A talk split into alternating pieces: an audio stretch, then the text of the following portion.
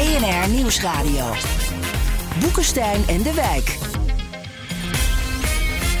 Hugo Reitsma. Dit is een extra uitzending van Boekenstein en de Wijk in verband met de oorlog in Oekraïne en de crisis met Rusland. Het is woensdag, dag 238 van de invasie. Met opnieuw uh, bombardementen in Kiev, andere plaatsen, tegen burgerdoelen, energieinfrastructuur, water. Gisteren heeft president Zelensky gezegd dat inmiddels 30% van de energiecentrales in het land zijn beschadigd. Ja, dat is allemaal niet leuk. En verder heeft uh, Poetin dus ook de staat van beleg afgekondigd. Hè?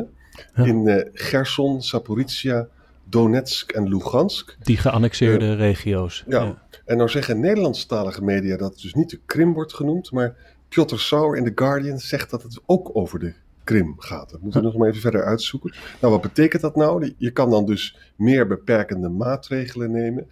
Ook uh, relocaties. Je kunt dus mensen verplaatsen. En er wordt ook over gesproken. Dus dan gaan we dus gelijk naar Gerson toe. Dan willen ze dus mensen van het westen naar het oosten van de Dnieper-rivier doen. Ja. 10.000 per dag, jongens.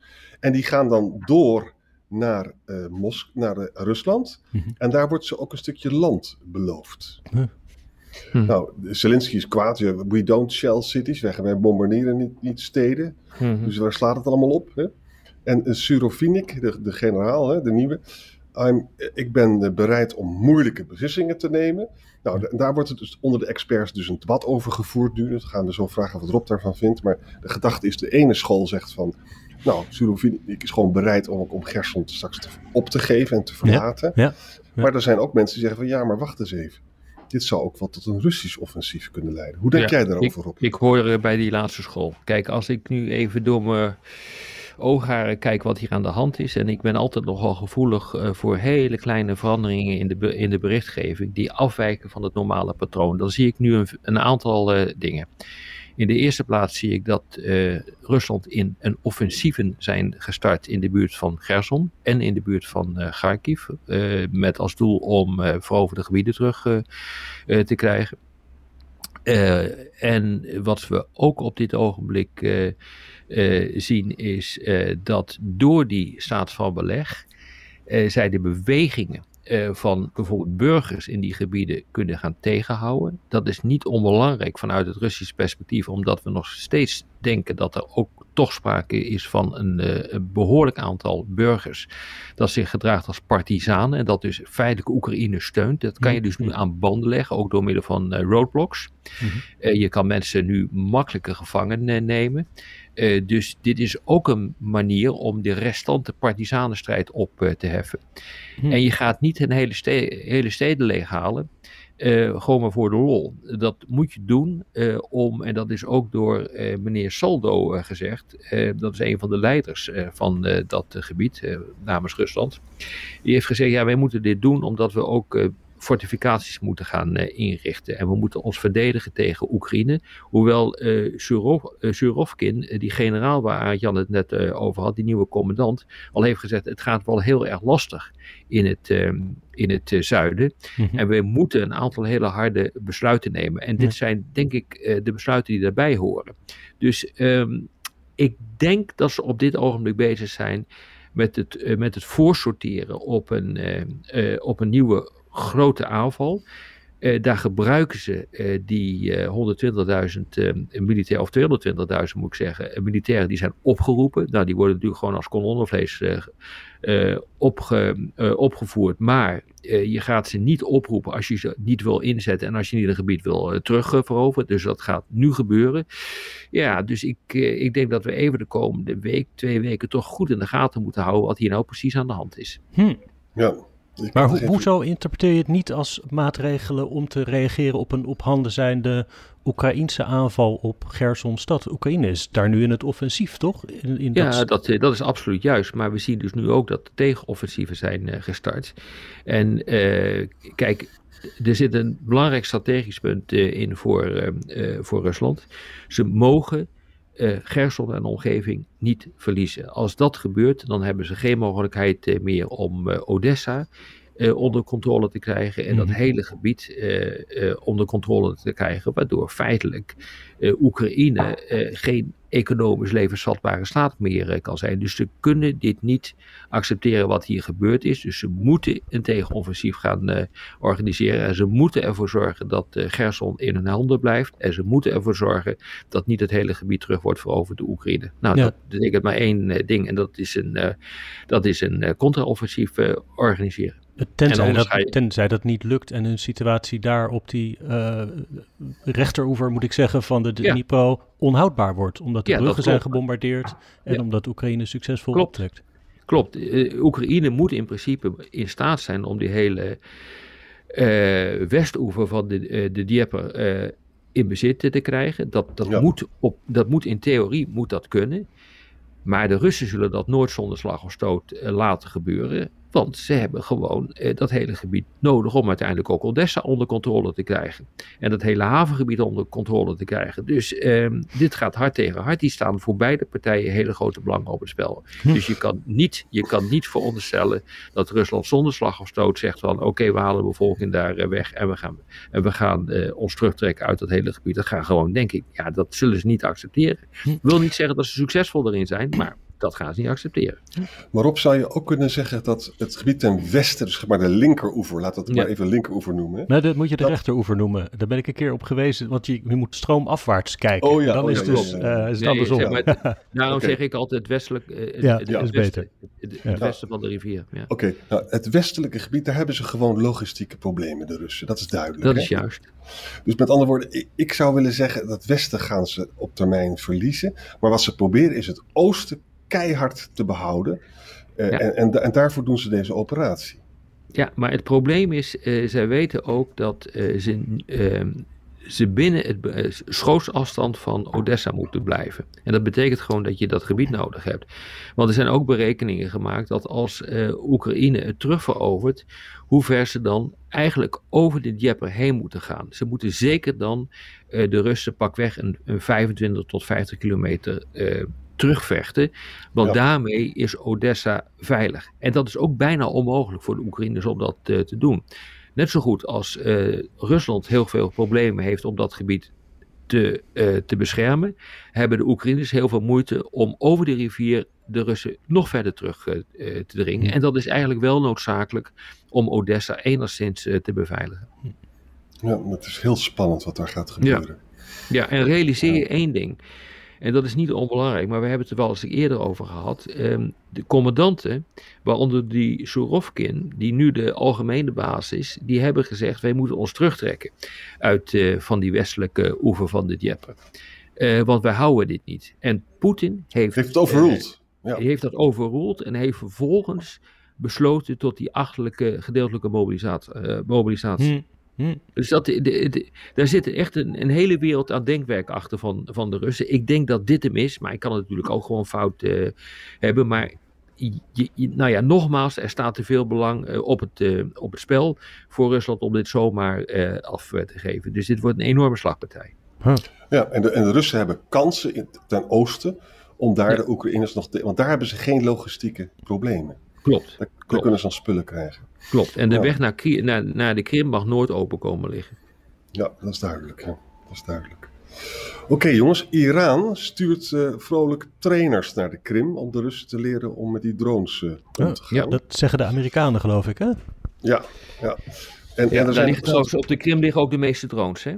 Ik ja, daar liggen ook de meeste drones. Van de, de weg naar de Krim mag, uh, mag niet uh, worden afgesloten of de, de, route naar de Krim mag niet geopend worden door de, door de Oekraïners. Het is maar net hoe je het bekijkt. want dat is echt het center of gravity. Het, het zwaartepunt van de oorlog is de Krim. En dat zie je dus nu ook met precies wat je zegt. die trainers die naartoe gaan, maar ook de opslag van drones gebeurt daar. Ja, er staat een heel goed stuk in The Guardian met allemaal getallen erbij, daar hou ik al een beetje van. En de, de, de, centrale stelling van het stuk is: uh, uh, de, de Oekraïners slagen erin 60 tot 80 procent van die drones te vernietigen. Hm. Nog heel vervelend hoor, als je dan nog 20 procent niet raakt. Hm. Maar goed. En de kosten van Oekraïne om die dingen neer te halen zijn veel hoger dan de kosten die de Russen maken om die drones te kopen. Die ah, drones kosten, ja, die kosten 20.000 dollar. Dus ze hebben nu 15 miljoen uitgegeven. En de Oekraïners gebruiken dus MIGs, eh, C-300 cruise missiles, NASAMS, Smallfire, om het allemaal tegen te houden. En dat is dan dus meer dan twee keer het bedrag dat, dat, de, dat de Russen uitgeven. Ja, ja, ja. Meer, twee keer? Dat valt ja, nog mee. Want als zij valt... dus inderdaad, wat je zegt, kruisraketten daarvoor gebruiken. Nou ja, het lijkt mij raar dat je daar een kruisraket voor gebruikt. Maar die, die, die, die, dingen kosten miljoenen. Ja, ja ik, ik, het is een getal wat daar staat. Ik snap, snap het ook niet zo goed. Maar het is en ook niet zo relevant. Wat eigenlijk het meest relevante is dat ook, komen er, ook al komen er slechts 20% van die kamikaze drones aan, dan is dat nog steeds een vreselijk probleem. Ja, lijkt me. klopt. Ja. ja. En er is bijvoorbeeld ook vandaag weer een waterkrachtcentrale, Boerstin, uh, uitgeschakeld. Ook weer een aanval op Kiev. Het is niet leuk wat daar gebeurt. Nee, maar dat is oorlog in het algemeen niet, uh, Arend Jan. Ja. Nou ja, verder in Moskou zijn de restaurants leeg. Een heel mooi stuk in de New York Times. Uh, heel veel mensen zijn gewoon gevlucht. En daar kunnen we aan verbinden dat Finland. We hebben een paar weken geleden de discussie in Scandinavië en de Baltische Staten ook gehad. Wij willen die gevluchte Russen niet hier. Want ze hadden mhm. gewoon in opstand moeten komen tegen Poetin. Nou, er komen dus heel veel mensen Finland binnen, Russen, Russen die vluchten voor Poetin. En daar hebben de Finnen geen zin in. Die willen nou een hek gaan bouwen. Nou, lekker. Ja. Dat wordt een lang hek dan. Ja, dat nou wordt ja, een heel lang ja, het is natuurlijk wel, uh, ligt wel voor de hand. Want uh, we gaan uh, op naar een nieuw ijzeren gordijn. En dat waren ook hekken en mijnenvelden. Ja, ja, dat ga je dus krijgen. En in Noorwegen zijn er dus Russen opgepakt die allemaal drones hadden en camera's. Heel kort berichtje in de Guardian. Uh, en wordt in, in, verband gebracht met Nord Stream 2. Hè?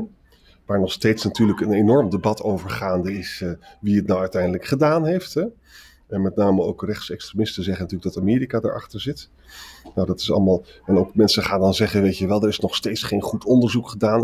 En zo'n onderzoek moet toch gewoon gebeuren. Dat moet toch openbaar worden gemaakt. Dus mensen die uh, hebben er allemaal politieke ja, wat bedoelingen bij. Wat zou nou in godsnaam in Noorwegen willen doen met betrekking tot Nord Stream 2?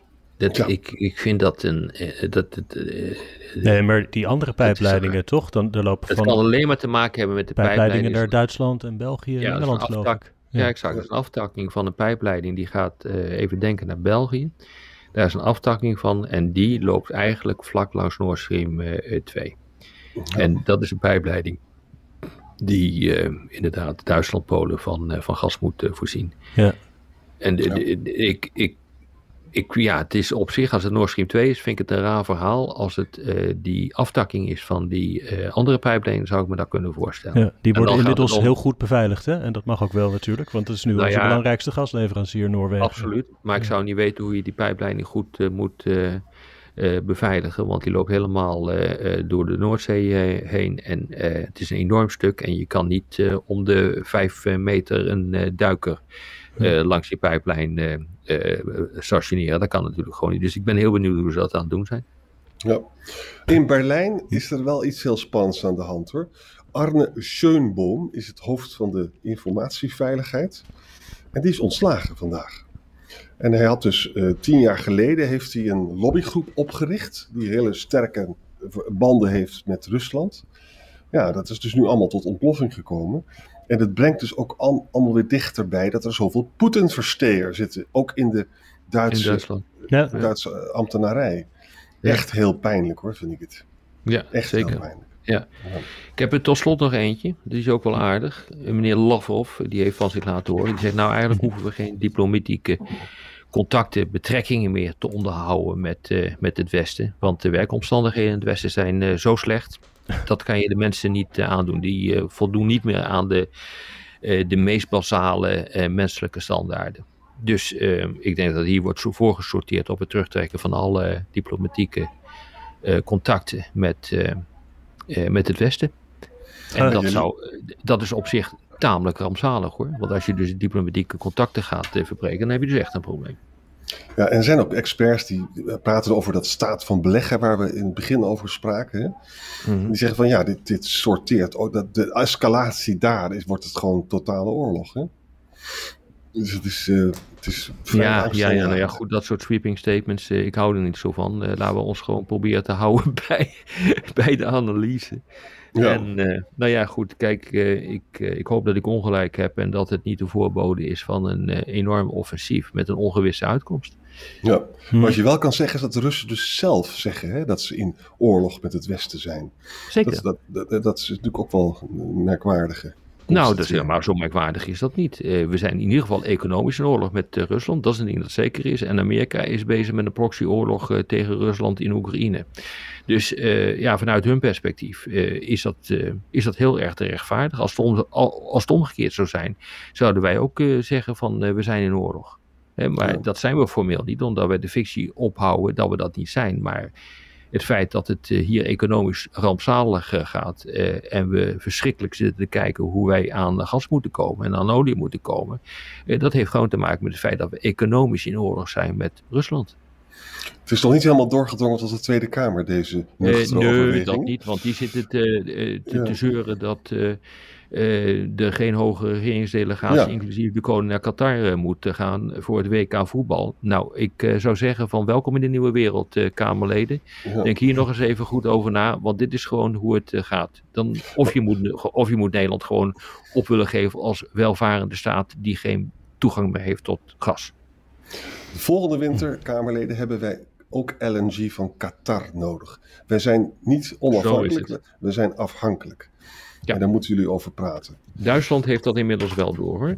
Ja, en Frankrijk ook. Door. Nederland heeft dat nog niet helemaal door. Die zit nog te hangen in een of ander ethisch, moreel besef eh, dat het toch wel erg slecht gesteld is met de mensenrechten in Qatar. En dat is natuurlijk ook zo. Maar nu moet je echt afvragen, is dat belangrijker dan onze economische overleven? Exact, exact. Okay. Ik vind overigens wel, wel uh, humor dat Russische diplomaten straks wegens de slechte omstandigheden in Washington en Londen naar Noord-Korea en Syrië worden verplaatst. Dat is toch ja, weer een vrolijke noot in het verhaal. zeker. Oké, okay, tot morgen. Tot morgen. Tot morgen.